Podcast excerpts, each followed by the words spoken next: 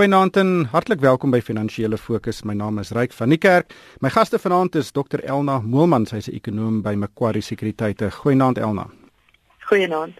En Magnus Huystek van Brentes 12. Goeienaand Magnus. Ja, goeienaand Ryk en hallo Elna.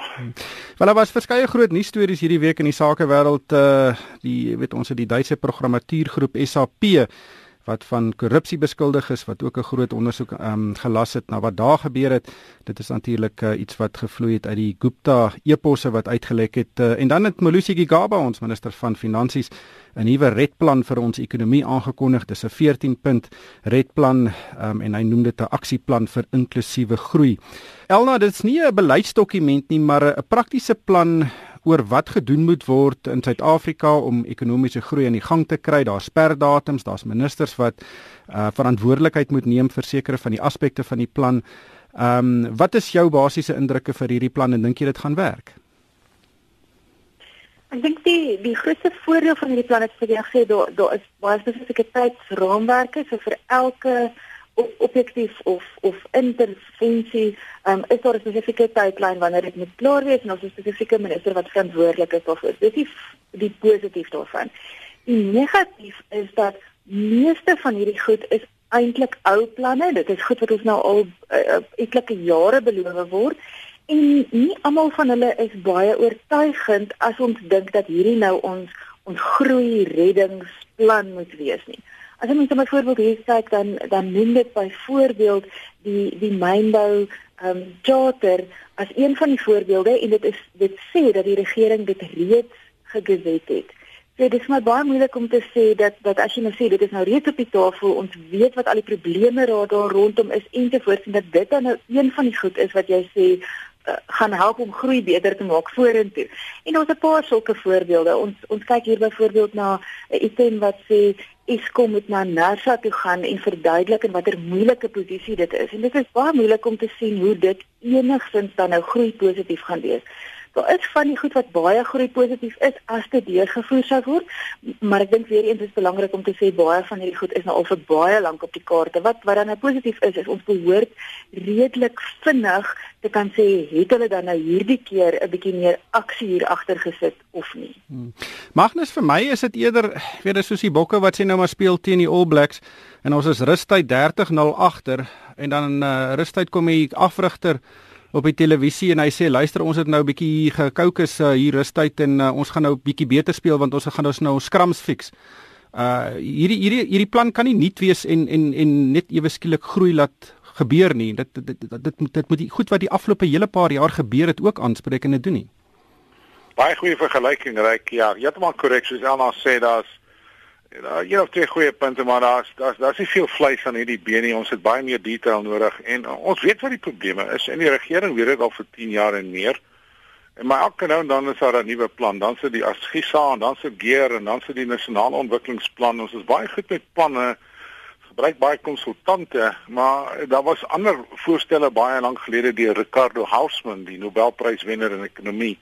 En daai voorstelle was nie in in lyn met die ANC se politieke denkrigting nie en dit is van die tafel gevee. En en ten sê dan nie 'n dramatiese beleidsomkeer in die ANC se denkrigting is nie.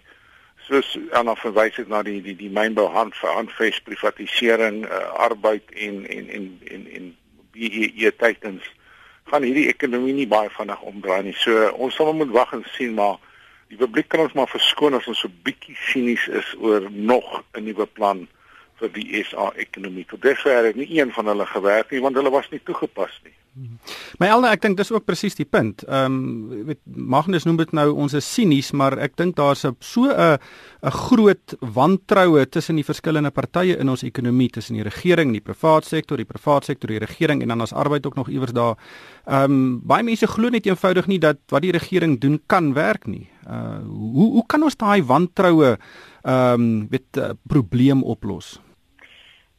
Dink amper daar's daar's twee fasette van goed wat ons moet doen. So ek dink die eerste een is daar is 'n paar goed wat ongelukkige mense wil nie graag altyd net die blame by een party sit nie, maar ek dink daar's 'n paar goed wat die regering sal moet regkry.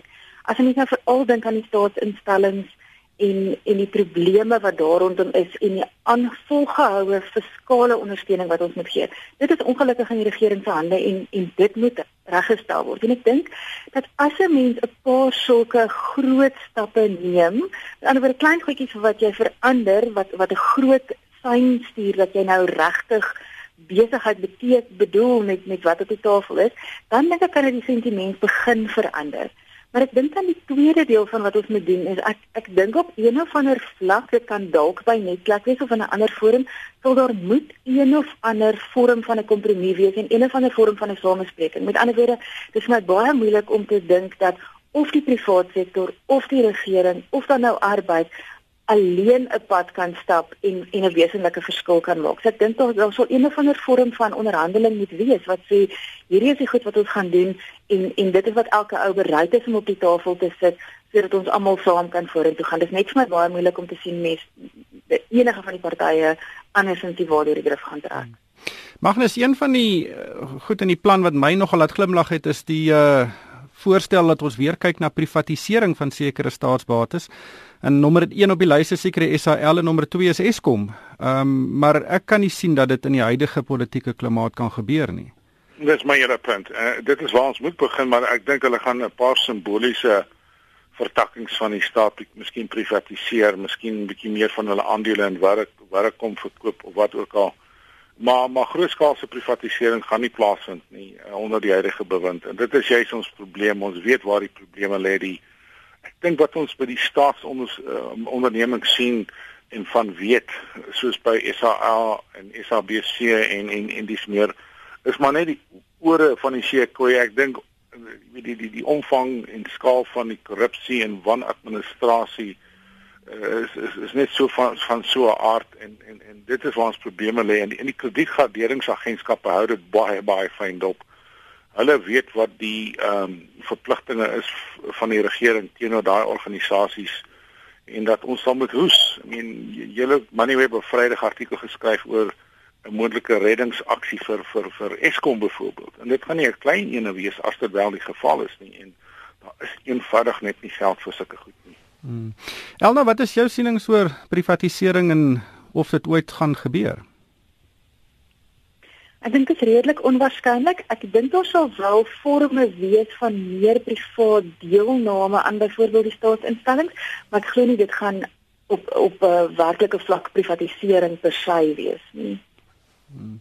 Maar kom ons keer terug na die na die gesprek Elna van van die vertrouens uh, ooreenkomste of die vertroue tussen die verskillende partye. Ons het hierdie week ook gesien dat uh, die Duitse groep SAP wat uh, ondersoek gelas het na beweerde korrupsie, hulle het blykbaar volgens die Gupta eposse uh, 'n 100 miljoen rand aan 'n Gupta maatskappy gegee en dit was 'n in ruil vir 'n groot kontrak by Transnet. Ehm um, die private sektor is ook nie uh, engeltjies nie. Ehm um, hier is 'n hele paar dinge wat nou na vore kom wat ook wys dat uh, die korrupsie uh, element is nie net in die regering aanwesig nie, maar ook in die private sektor. Ehm um, hoe bring jy daai uh, daai twee goeters bymekaar? Ja, ek dink dit is definitief 'n geldige punt en en dit is waarom ek vroeër gesê mens wil nie graag net die blame vir 'n spesifieke party se deur lê nie. Ek dink almal is redelik skuldig en ons het nou 'n redelike ver pad gestap wat wat almal eintlik net verder en verder uitmekaar gedryf het en korrupsie was nou een element daarvan gewees en totale afbreek van vertrouensverhouding is 'n volgende een. Ek dink een faktor wat nou al vir 'n geruime tyd genoem word is dat netlak eintlik nie so effektief was as wat dit moes gewees het nie. En ek dink as ons dit sou kon regmaak, sou dit dalk een voertuig wees om almal weer nader aan mekaar te kry, want iewers moet ons 'n formaat skep waar ons kan onderhandel en kan praat um, en en besluit wat die pad vorentoe moet wees. Hmm. Magnus, jy's ook nou al lank in die game. Ehm um, weet die private sektor soos ek gesê het is nie engeltjies nie, maar hoe dink jy vergelyk dit met wat in die regering tans gebeur? Ja, jy het maar korrek. Ek dink uh, ek nog verbaas dat SAP betrokke is, maar hulle het daarom ten minste baie vinnig omgeswaai van hulle eerste ontkenning uh na opskorting van die vier mense wat betrokke was. So hulle het baie vinnig opgetree. Onthou dat dat SAP se baas, Asu Platinum is is baie bekend hier in Suid-Afrika. Hy besit Frankfurt. So hy het wesenlike belang in Suid-Afrika vir vir baie baie lank al. Maar maar ek dink hierdie gaan voortgaan of daar was 'n klimaat die afgelope tyd uh, 5 jaar, 10 jaar, selfs langer waar hierdie goed toegelaat is om te gebeur. En totdat daar hardie 'n klomp mense senior uh, direkteure van maatskappye vir 'n baie lang ruk tronk toe gaan nie gaan hierdie dinge voortgaan want die die die, die klimaat is jy kan daarmee wegkom want niemand word vervolg nie. Dit is net verstommend die groot bedrag die die, die eh, man niemand gaan tronk toe nie so hoekom sal ek bekommer my my kanse dat ek gaan wegkom is baie baie goed. En totdat daai uh verhouding omgedraai word dat die kanse is baie goed dat ek gevang gaan word, gaan dit voortduur. Ja. Maar ehm um, Elna as Gigaba nou uitgekom het hierdie week en gesê het luister ons gaan die grootste ondersoek las 'n geregtelike ondersoek na staatskaping na korrupsie binne vir al die die staatsbeheerde ehm um, maatskappye ons gaan tot die hele ding sny dat ons tot op die been sien wat gaan in hierdie land aan. Dit sou 'n goeie begin gewees het om vertrouensvlakke te te handhaaf. En aan dieselfde kant as mens dan hierdie tipe van ondersoeke het van die private sektor se kant as soos wat SAP nou doen, dan gaan mens bietjie nader kom om om mekaar in die oë te kyk en sê luister ons doen van albei kante af uh probeer ons hierdie korrupsie weet te reuk of stank uit ons land uit wegvat uh en dit is die eerste tree vorentoe. Ja, so ek dink as hy so 'n aankondiging sou gemaak het wat natuurlik uh, amper vreemd sou wees dat dat hy so 'n aankondiging maak. Kom ons stel dat dat as hy dit gou doen het, sou dit baie bemoedigend gewees het.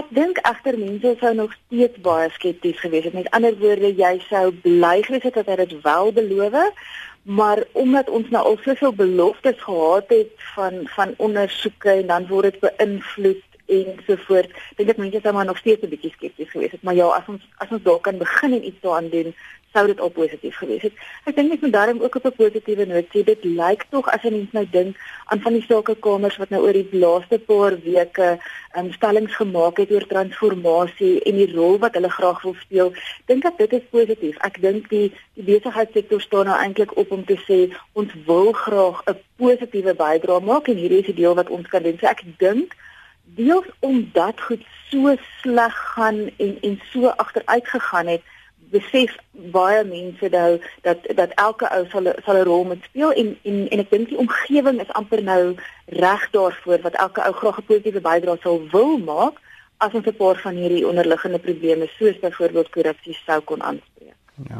Magnus uh, nog 'n nuus storie van die week was uh, Absa wat uh, die omstrede verslag van die openbare beskermer Bosiswem Kabani gaan teenstaan en dis natuurlik hierdie hierdie storie wat al vir dekades uh sleep. Dit is 'n uh, Absa wat uh, of die ou bankkorp wat onregmatiglik bevoordeel is deur 'n reservebank lening um en Absa gaan nou het nou hierdie ding teenstaan en hopelik kan ons nou uiteindelik weet 'n lyn trek onder hierdie ding. Uh, Maria Ramos sê ook hierdie Absa word uh, onnodiglik negatief geraak hier oor omdat uh, daai aantuigings net nie water dra nie. Hoe lees jy dit Wat die aantuigings uh, uh dra ongelukkig water want daar is twee verslae wat bewys is wat erken is ja daar was uh onder uh, ondersteuning vir Bankorp en toe Absa indirek maar dit was die praktiese implementering van die van die van die regstelling daarvan waar die staat besluit het ons wil nie die banksektor skade doen nie soms trek maar 'n lyn daaronder.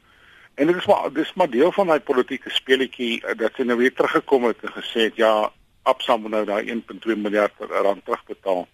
Maar sy die hele argument uh vertroebel deur dit sommer te koppel aan die onafhanklikheid van die Reservebank wat daai modder so dis so dis nou 'n vreeslike modderpoel daarso. Ek dink Absa het nie keuse gehad nie. Hulle moes terug gegaan het uh, om die saak te kan, kan keer want andersins sal hulle op 'n groot bedrag moes uitbetaal het ek ek wil nie sê reg of verkeerd nie, maar daar mense moet ook vra vra. Kyk, daar was wel wesenlike ondersteuning gegee aan aan Bankorp in die in, in die vorige bedeling. So dis nie iets wat heeltemal net gaan verdwyn nie. Hmm. Elna net laastens, ehm um, Janet Yellen het hierdie week gesê sy verwag die Amerikaanse ekonomie om uh weet uh, momentum te behou en steeds sterk te groei. Ehm um, en dis natuurlik goeie nuus vir die vir die hele wêreld. Ehm um, hoe lees jy dit en hoe gaan dit Suid-Afrika beïnvloed dink jy?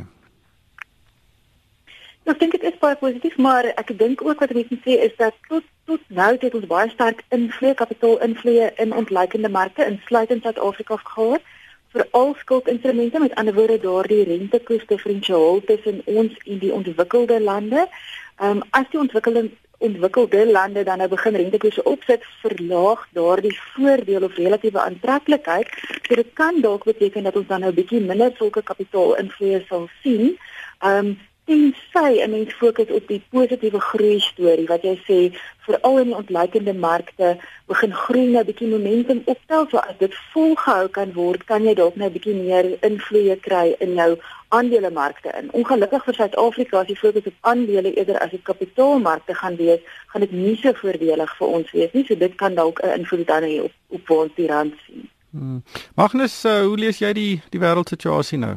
Ja, ek dink meeste plaaslike beleggers onderskat die die moontlikheid van 'n van 'n markte wat onstuimig kan raak nader aan die einde van die jaar. En daar's twee faktore. Een is die die die die eh, koers van rentekoerse in die FSA en ook in Europa. En die tweede is die moontlike afgradering. So die die dit lyk of alles goed gaan in hierdie stadium, maar indien sekere dinge uh, nie reggemaak word in Suid-Afrika nie, kan dan dalk 'n uh, abrupte onttrekking van kapitaal wees as gevolg van daai twee faktore en dit kan beide die plaaslike kapitaalmark en die effekte mark redelik uh, negatief beïnvloed. Wel ongelukkig is dit alwaar vir ons tyd. Het. Baie dankie aan Dr Elna Moelman van Macquarie en Magnus Huystek van Brentest 12 en van my ryk van die kerk. Dankie vir die saamluister en ek koop almal met 'n winsgewende week.